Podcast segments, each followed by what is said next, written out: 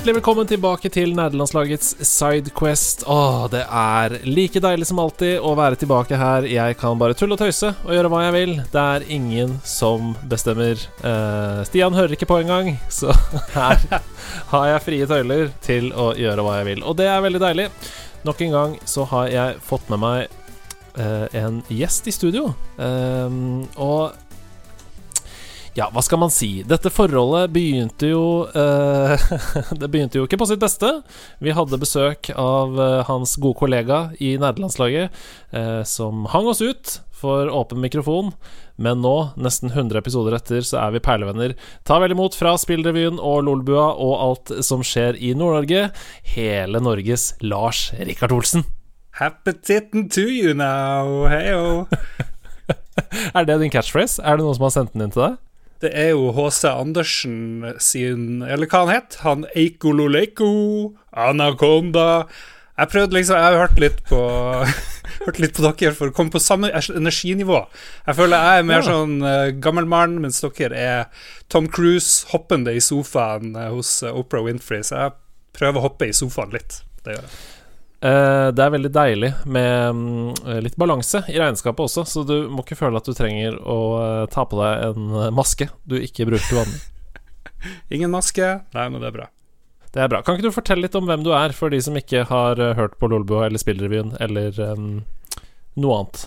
Eller noe annet. Nei, ja. bor i Harstad, har anmeldt spill siden 2000 ca.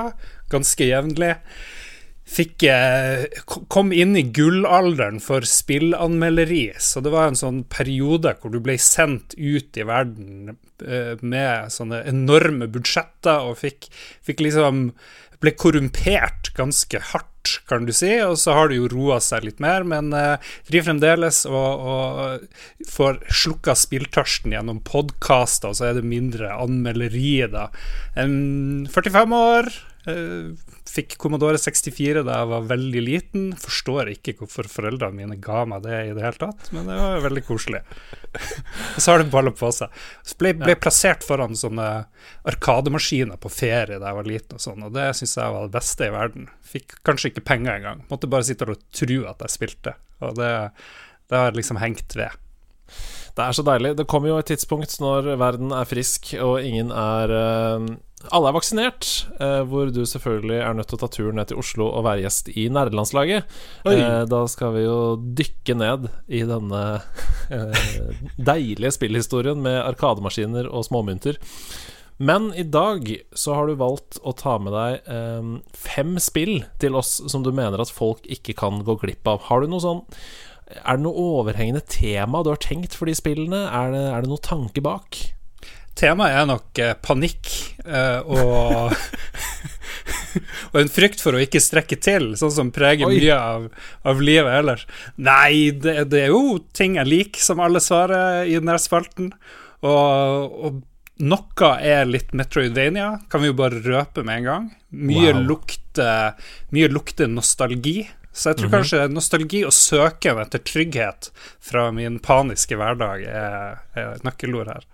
Det er godt å høre. Det er en motivasjonsfaktor for mange, og kanskje spesielt de siste årene eh, så har trygghet vært en slags motivasjonsfaktor. Det er rart å kunne si 'de siste årene' nå. Hæ? Mm. Det, det, ja, det, det, er over et år siden. Ok, vi bare begynner. Jeg har eh, sortert uh, spillene du har tatt med deg i kronologisk rekkefølge, og det betyr at det første spillet vi skal snakke om, det skal vi helt tilbake til 1992, og ikke så langt unna der hvor du sitter nå så vidt jeg forstår. For spillet jeg snakker om, er eh, et multiplayerspill som heter X-Pilot. Stemmer, stemmer. Det var to karer som studerte på Universitetet i Tromsø, som lagde noe som etter hvert skulle strekke seg over hele verden. De het Bjørn Stabell og Ken Schoten. Veldig usikker på hvordan man uttaler etternavnet til han Schoten. Skuten. Scootman. Han høres, jo, han høres jo ut som han er fra Nederland eller noe sånt. Schoten. Ken Schoten. Ich, ich, ich bin Schoten in die Hasen. Ja. Ikke sant? Det er noe der.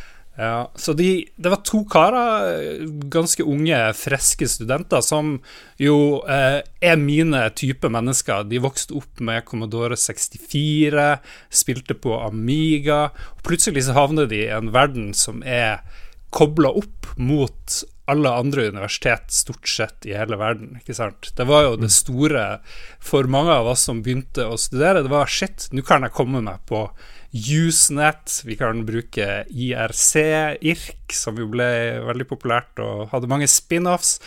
Og så, så, fant de ut ok, her kan vi lage en, et multiplayer-spill. Og hva skal, vi, hva skal, vi, lage? Jo, vi er inspirert av noe, noe sånn her Trust. Eh, et sånt eh, gravitasjonsbasert spill. Du har bare et romskip, alt er 2D. Hvis du står i ro i rommet, så begynner eh, romskipet ditt å dette ned, og så må du gi litt fart og så sklir du rundt omkring i rommet. Så putter vi på litt guns, vi putter på litt skjold. Vi putter på asteroider, vi putter på noen baser, og så kan du kanskje refuele, og så kan du skyte alle andre. Og der har du eh, en liten sånn enkel oppskrift på noe som ble helt fantastisk, og som dessverre ikke har blitt så godt kjent da, egentlig. Nei, for det høres Altså, eh, når du snakker om det, så tenker jeg jo med en gang Du trenger jo ikke noe mer enn det her. Eh, vi vi snakka litt med Einar Tørnquist i gårsdagens episode av Nerdelandslaget at om at Asteroids, dette spillet på Atari, er jo fortsatt eh, helt genialt gameplay. Ja. Altså det er så simpelt, da, men det er så uh, smart og, uh, og, gøy fortsatt, og alle kan plukke det opp og forstå det med en gang. Jeg ja. synes når, jeg ser, når jeg ser på liksom screenshot av X-Pilot her, så er det Det står mye om uh, FPS 138 The ball was loose for 415 frames. Det, ikke, det ser ikke så tilgjengelig ut, eller? det ser ikke så tilgjengelig, men det er, det er, så enkelt. Det er jo bare ja. Asteroids, egentlig bare med et litt større brett, og, og noe team mechanics. For det, det var mange modes, det var open source, så mange kunne spille det her. Og det, alle kan laste ned koden og kjøre det her hvis de vil sjøl. Og det håper jeg jo noen vil gjøre. Det er kanskje baktanken min med det her, det er å dra det ut for et litt større publikum. Eh, mine henvendelser til spillmakervenner og sånt, det har liksom falt i fisk i 20 år. Det er ingen som vil lage en ny versjon av X-Pilot. Så kanskje, kanskje nederlandslaget og, og eh, Sidequest-folket har lyst til å ta tak i det. men det, det, var en sånn open source-greie som var veldig enkel. Og så kom det plutselig ett brett som alle begynte å spille, som het Bloods Music. Og da var det plutselig to lag. Eh, en liten gøy backstory. Det var eh, folk på NASA i Florida som hadde lasta ned, og de spilte det her mens de venta på at romskipene skulle refueles og sånt. Og så brukte de òg noen kodere til å skru av all gravitasjon, sånn at alle bare Oi. svevde fritt rundt. Og så fjerna de alle våpen, bortsett fra maskingeværet, og muligheten til å plukke opp en sånn ball. Så det ble en sånn det ble eh, hva det heter for noe, det her fotballspillet med biler. Eh, ja, Rocket League. Rocket League. Så det ble plutselig Rocket League. Uh, to lag. Uh, du har en ball, og så skal du stjele tak i den ballen, og så skal du fly det tilbake til din base. da Du skal ikke skåre mål i motstanders lag. Men det ble en sånn stor mølje med skip. Noen må dra å beskytte den som flyr med ballen. Den som flyr med ballen, det er ikke så lett, fordi det er jo, det er jo sånn gravitasjonsbasert. da Så den ballen veier masse, så når du skal svinge ja. og har den ballen hengende etter deg i en line, så er det helt crazy. Du måtte være sånn Eh, fysikkgeni, egentlig. For Ikke så rart at det slo an på NASA, med andre ord. Um, ja, så det endte opp med at jeg satt på uh, Blindern. Uh, tok noe sånn her programmeringskurs, uh, informatikk, bare sånn kødd, for å kunne spille MUD, sånne multi-user dungeons, og det her. Og så hadde jeg venner i Tromsø og ellers. Og så spilte vi mot folk i USA. Eh, det ble til slutt turneringer rundt omkring i verden, og jeg var med på noen av de. Og så ble det til slutt en sånn stor samling i Danmark, husker jeg, der min eh, makker Jon Cato og noen kompiser var med. og liksom Hadde slags gravøl. Jeg tror ikke de visste at alt var over, eller kanskje de gjorde det. Og det, Jeg skulle ønske jeg var med der, men det var jeg ikke. Men eh, Det er liksom vanskelig å forklare hele greia. Men hvis man finner noen videoer, så ser det kanskje ut som det er noe artig. Jeg vet ikke, men det er så gammelt, og det, ingen, det er ingen som spiller det i dag, dessverre. Men det var Nei. rundt 100 servere i hele verden eh, til slutt. Jeg, jeg, jeg, ser at det kom i 2009 så kom det en versjon som het X-Pilot iPhone til ja. uh, iPhone og iPod Touch, uh, som brukte touchscreen-kontroller. Jeg tviler på at det er oppdatert for siste OS, men uh, har du testa det, eller?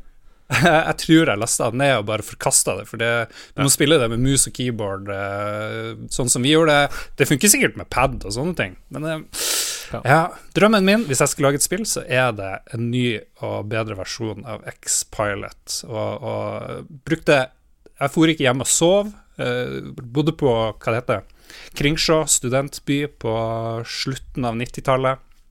Og bare for ned. Drev og spilte det her med kompiser. Uh, det her var jo før internett var litt sånn fritt tilgjengelig, så det var jo veldig gøy å bare sitte og surre på nettet eh, med sånne svære maskiner som var Silicon Graphics, tror jeg de hadde på Blindern. Det var liksom for å spise nachos på den der meksikanske plassen på campus, og hilse på han uteliggeren som lå under brua. Så var det å gå inn på informatikkavdelinga og sitte totalt hele døgnet. Så var det vel en 7-Eleven et sted i nærheten, var det ikke det, så man kunne få litt mat? Ja. Perfekt for et liv. Eh, det livet vi skulle ønske vi levde eh, for resten av livet. Som vi, som vi dessverre må eh, gi opp når vi skal bli voksne og ha egne meninger og familie. Fra et fysikkbasert spill til et annet fysikkbasert spill. Syv år senere så kommer det et deilig, deilig lite spill til Gameboy Color som Åh, det er så sjarmerende. Jeg koste meg så mye med det. Det kombinerer to av mine absolutte favorittsjangere, nemlig pinball og RPG. Jeg snakker om Pokémon Pinball!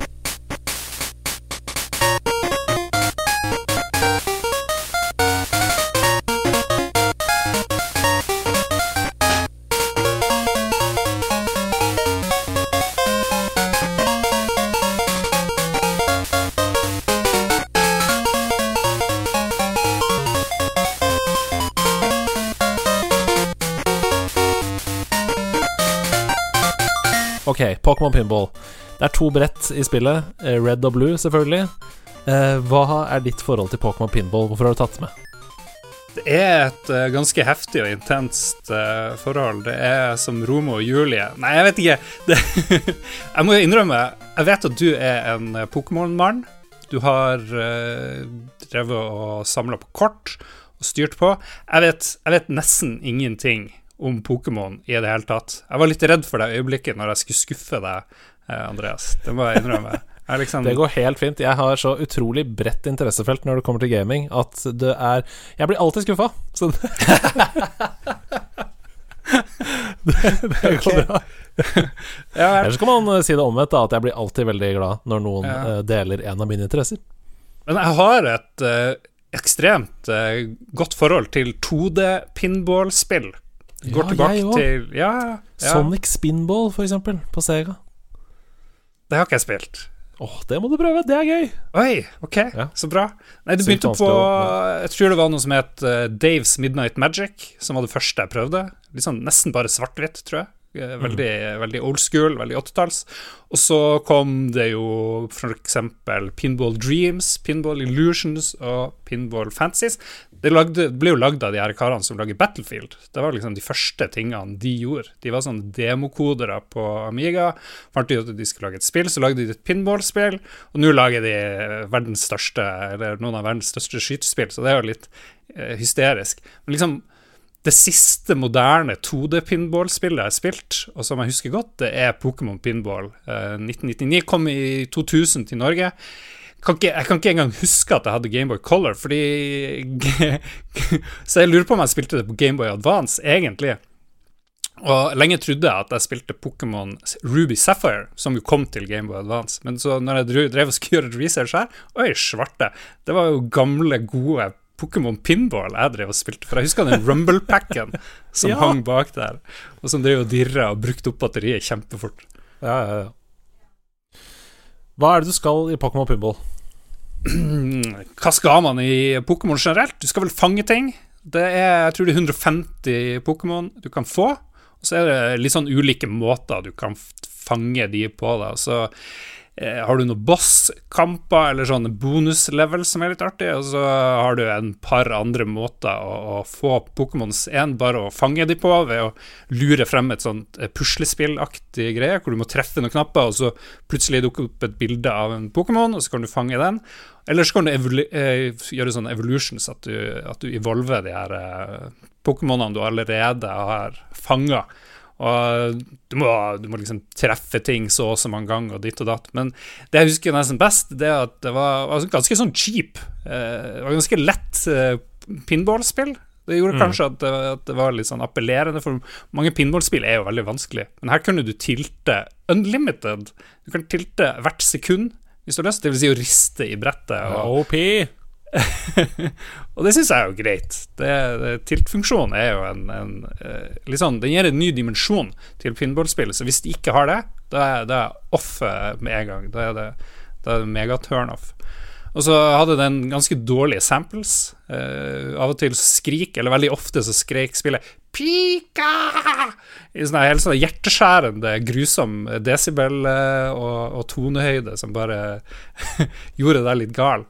Så jeg, jeg, jeg, kan ikke huske hvor mange uh, Pokémon jeg fikk, men og noe av det jeg husker best, det er de her sinnssyke poengsummene du kunne få. Det så ut som du kunne ja. få 300 milliarder 1000 milliarder poeng. Det var sånn her uh, Det er det beste, da.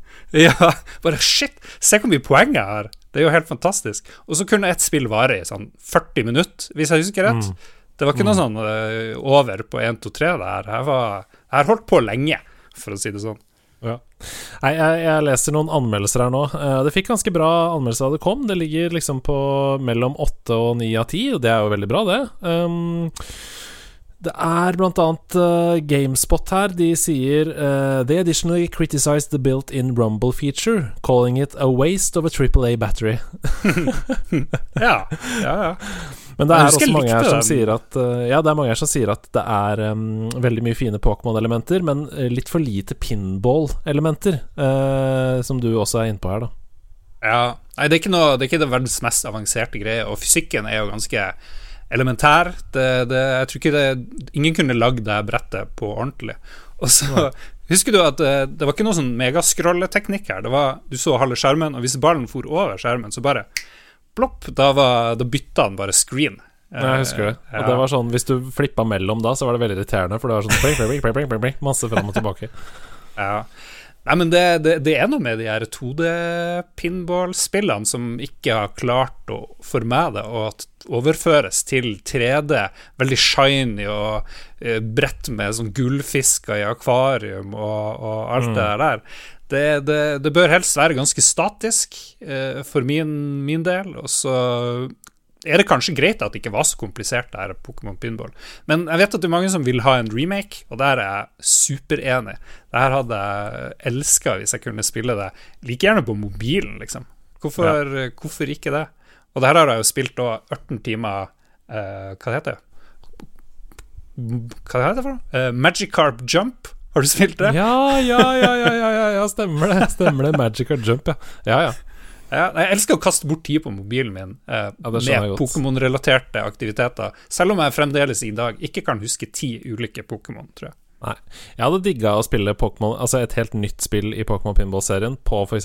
Nintendo Switch. Jeg hadde kost meg skikkelig med det. Ta med på ferie, sitte på trikken, eh, pinball, the hours away eh, mens jeg samler Pokémon. Det hadde jeg digga.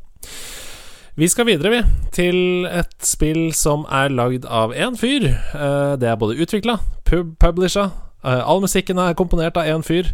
Eh, er det ikke deilig at vi lever i en tidsalder hvor sånne ting er mulig? Jeg snakker selvfølgelig om Thomas Happ og selskapet Thomas Happ Games, som har lagd Metroidvania-spillet Axiom Verge.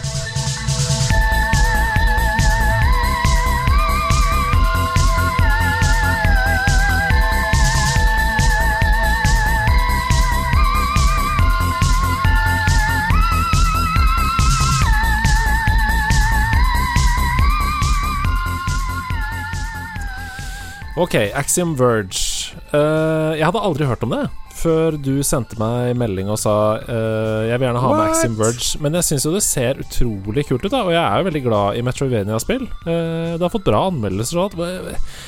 Selg meg Axiom Verge. hvor i all verden har du vært i den timen der, Andreas? Men hvor har du vært hele mitt liv?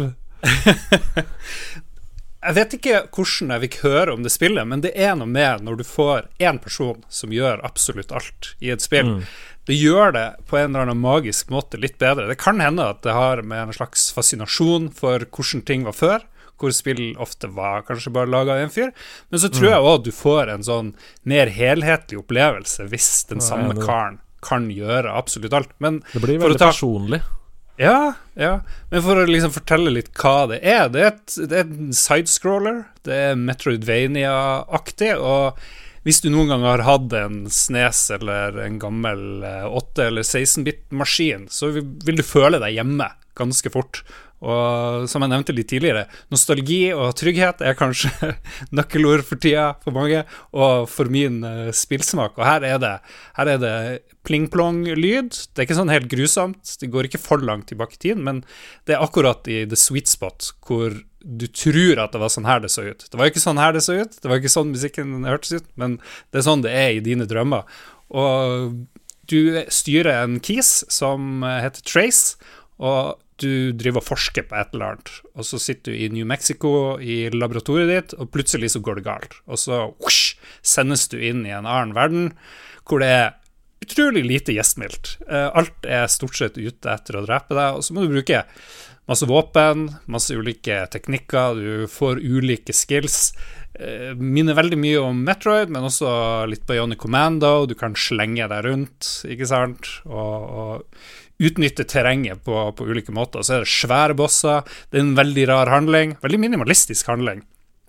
Eh, som gjør at uh, omgivelsene Litt som i Inside, kanskje, og sånne spill som forteller ja. deg veldig lite. Men hvor sant. omgivelsene sier mye, egentlig, og stemninga sier mye. Det er nesten, Du vil nesten si at omgivelsene er en karakter i spillet i seg selv? Ja, det, det hørtes litt ut som en klisjé, men uh, det stemmer, stemmer, veldig godt uh, i dette tilfellet her.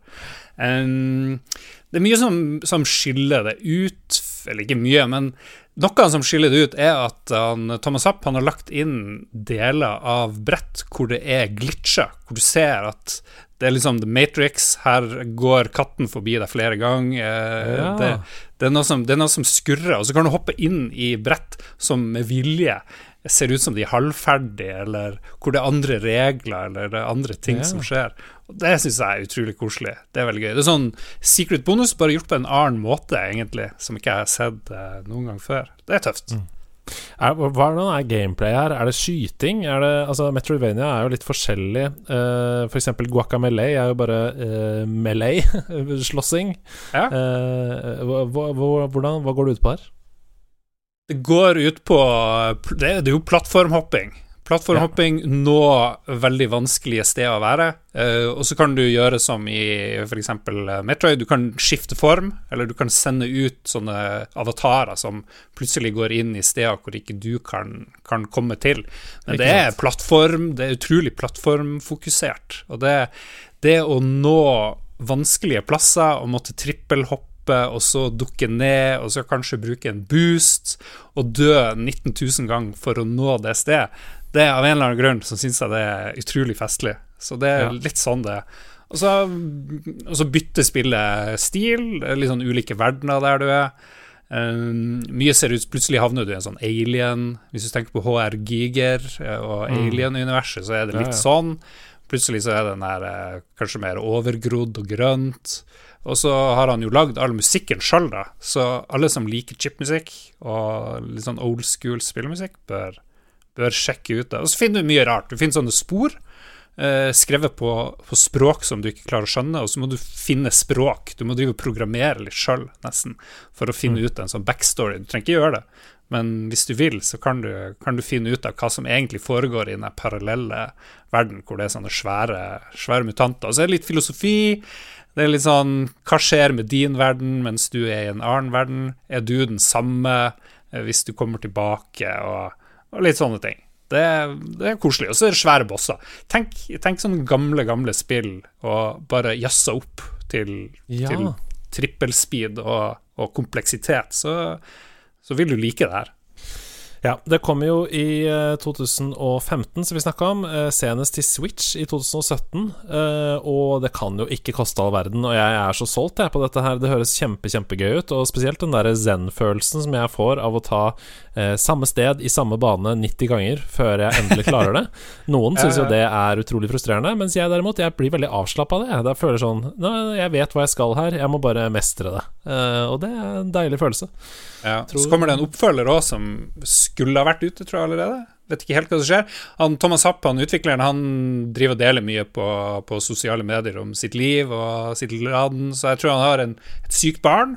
Noe sånt. Ja. Eh, gode gamle. Så siden han gjør alt sjøl, så hvis det skjer syke barn, eller noe sånt, så må vi bare bremse utviklinga. Og så ja så kommer det. Men uh, han, mens han er i mellomsjiktet mellom 8-bit og 16-bit i, uh, i, Axiom Verge, så skal han vel gå over i en mer sånn 32-bits-verden, tror jeg er greia, i Axiom Verge 2. Så jeg bare gleder meg sinnssykt mye til det.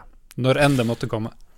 Vi skal videre til et spill som um, jeg Altså, det første spillet i denne serien, det spilte jeg eh, fordi jeg fikk det gratis via PlayStation Pluss. Um, jeg kjøpte meg en PlayStation Vita bare fordi jeg hver måned irriterte meg så mye over at det var et gratis PlayStation Vita-spill i PlayStation Pluss som jeg ikke kunne utnytte.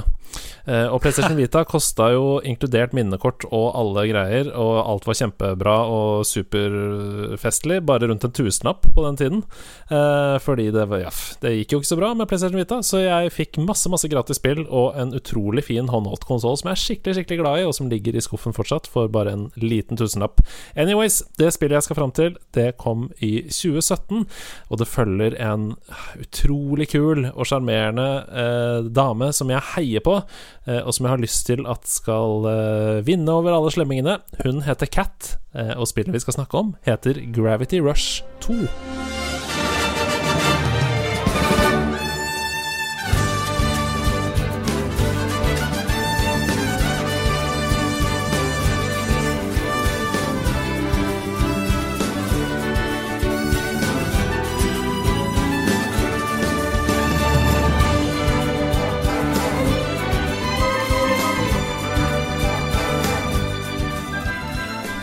Det første uh, spillet i denne serien er jo det jeg snakker om. Jeg uh, oppdaget Gravity Rush via PlayStation Plus som en gratis greie. Uh, og byen Hexeville, som er så fantastisk lagd med toget som kjører rundt byen og jeg, jeg, har, jeg, vet ikke hvor mye tid jeg har brukt på å bare stå på taket av det toget og bare være med rundt den byen. Jeg syns hele omgivelsen, jeg syns alt med det spillet er så magisk.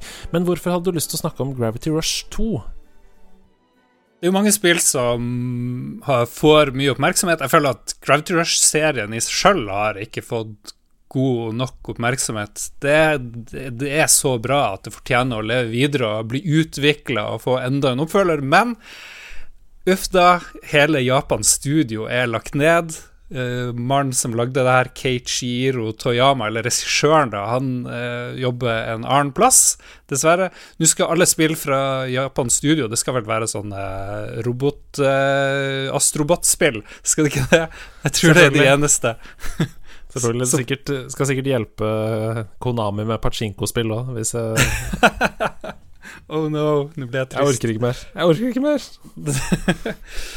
eh, noen ganger så har jeg blitt spurt Har du lyst til å bli usynlig, eller har du lyst til å fly?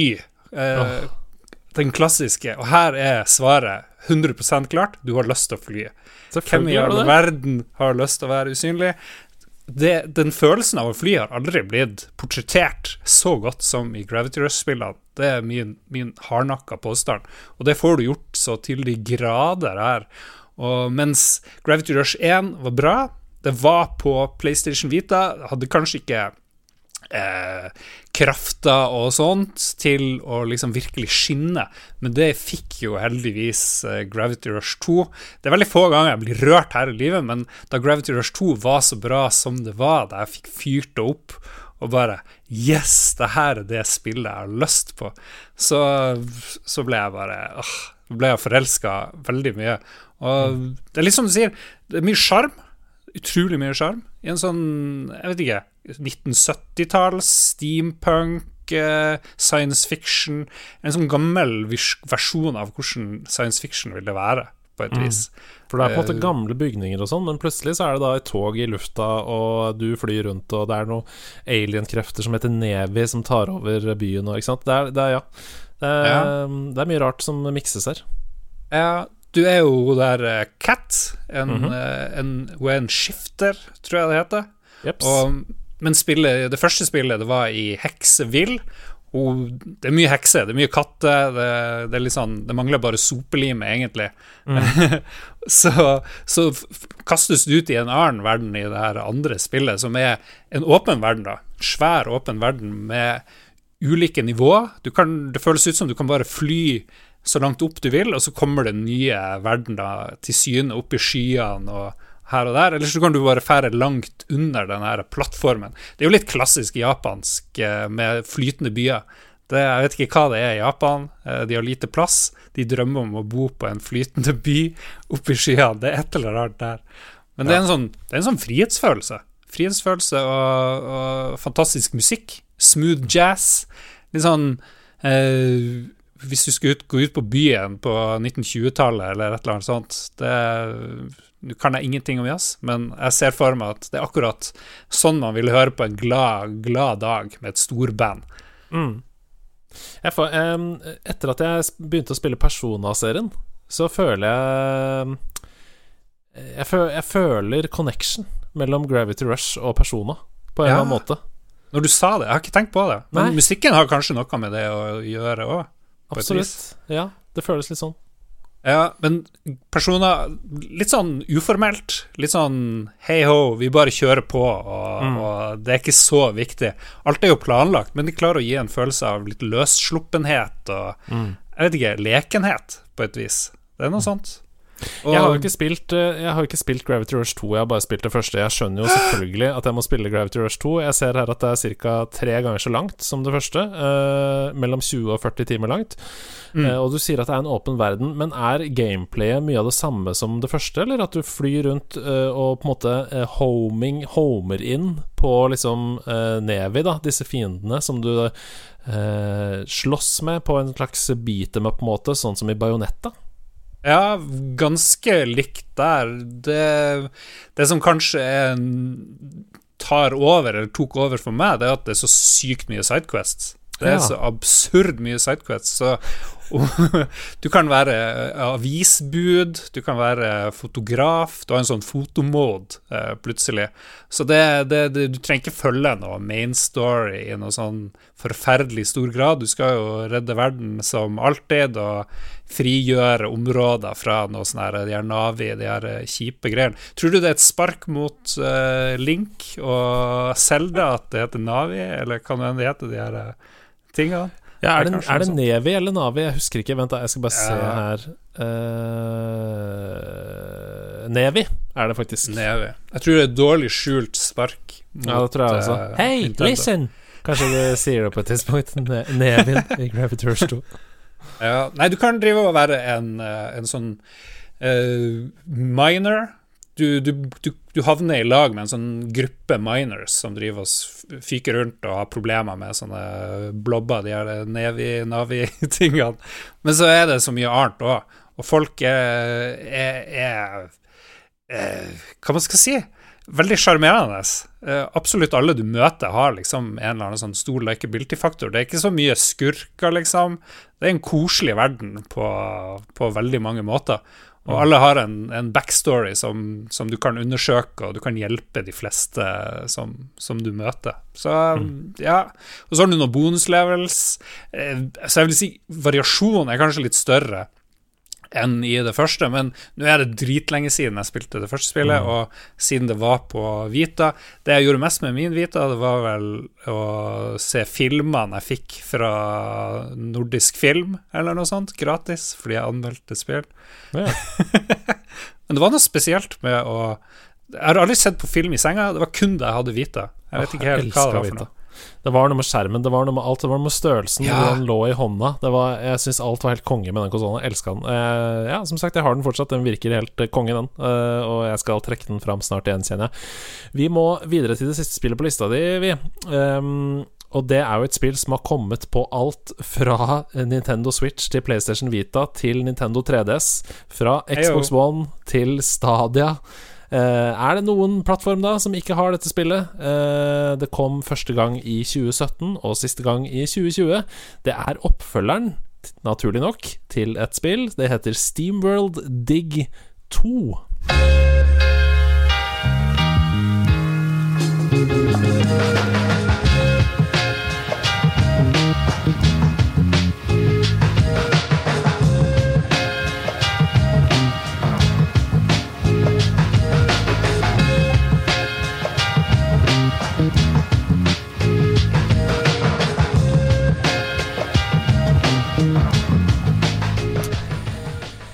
Steamworld Dig 2. Du har gått for uh, flere oppfølgere i dag. Um, ja, jeg føler at det er ikke helt stuereint, egentlig.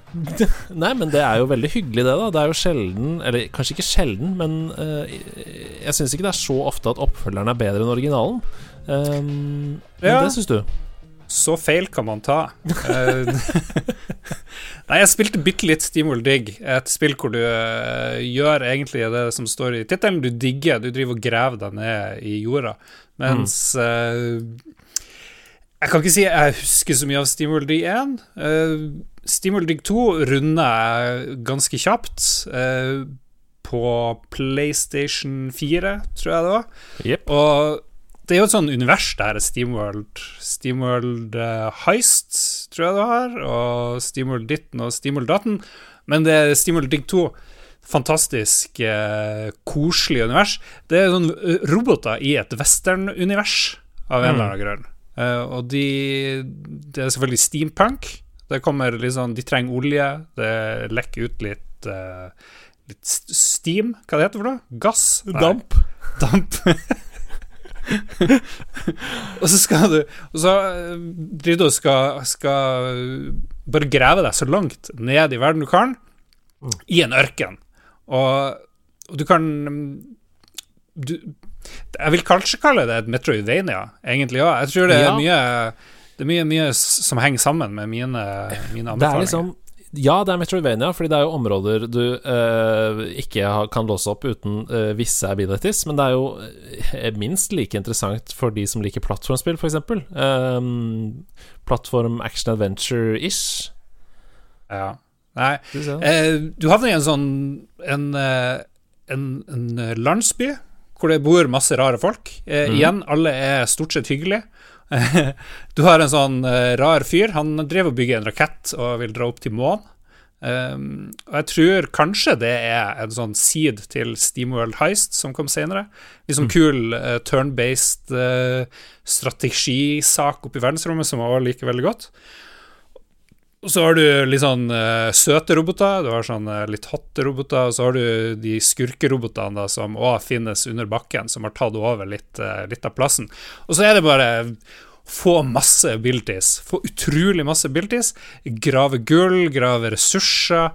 Hvis du liker sånn gravespill, hvis du liker å, å finne ting i sanda, hvis det å ligge på beachen og, og, eller gå rundt og, og med en sånn metalldetektor eller et eller annet sånt. Hvis det virker forlokkende Nå bare dikter jeg opp ting, eh, metaforer og sammenligninger som jeg aldri har tenkt på før.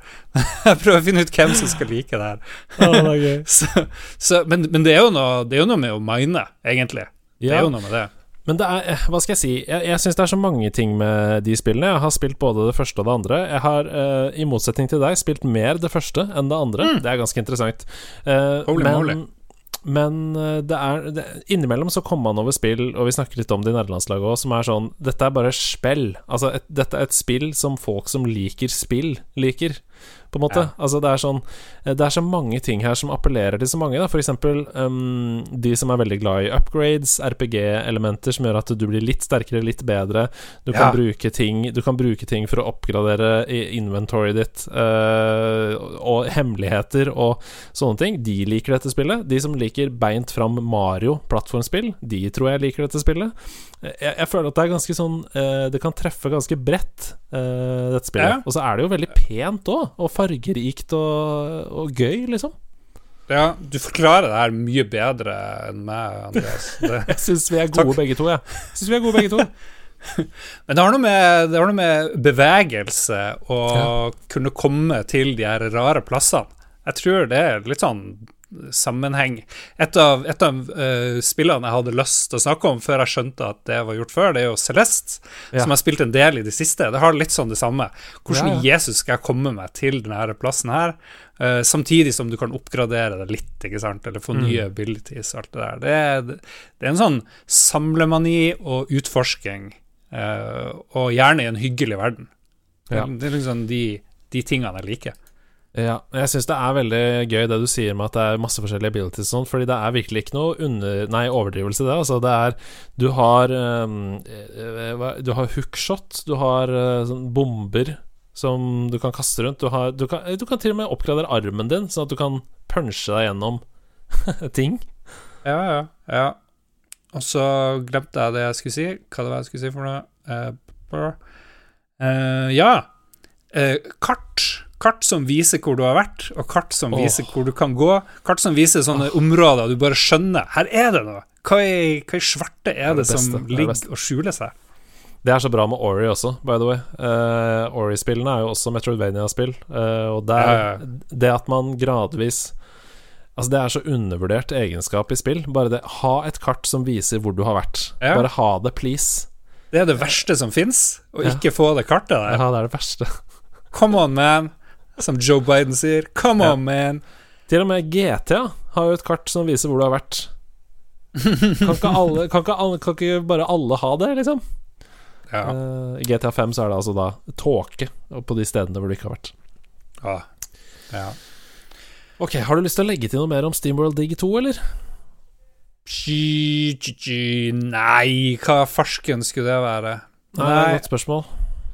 Jeg drev og Jeg må innrømme en uh, blooper i min tankegang. Jeg drev og hadde uh, friska meg opp på et helt annet spill enn Steamworld Dig. Jeg hadde liksom drev og kjekk på Dead Cells i stedet for. Ja. Ble småtatt på senga. Men det var jo bare Det er jo et mye bedre valg.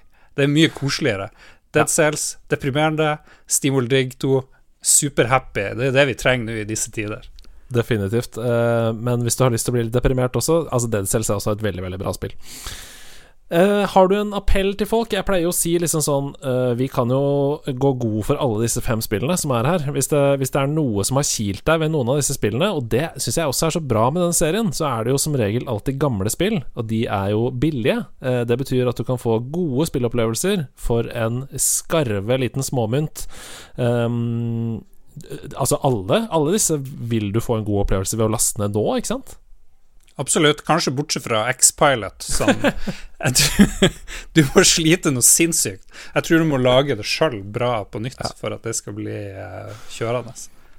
Da har dere fått det fra eh, mannen selv. Eh, tusen takk for at du var med, Lars Rikard. Ja, tusen takk for at jeg ble invitert. Jeg har brukt masse tid nå på å lete etter Pokémon Pinball fra 1999, som jeg vet jeg har et sted, men systemet mitt er helt forferdelig. Det står Amiga 500, Amiga 1200, eh, det står gammel N-Gage 1 og 2 ligger et eller annet sted med masse spill. PlayStation Vita-spill, Gameboy Color-spill, som er jo der det burde være, men det var ikke der. Det er Amiga Det er liksom Det der systemet mitt er helt forferdelig. Så Jeg gleder help. meg til din ha-med-dag i nerdelandslaget. Det blir majoriteten av episoden når vi skal grave oss gjennom uh, hele biblioteket på Nokia Engage 1 og 2. Uh, tusen takk nok en gang for at du var med. Vi skal høre mer fra deg neste uke, for da skal vi snakke litt om et bitte lite selskap som har lagd noen av verdens beste spill om tidene. Uh, si ha det til de som hører på, da vel. Hei da.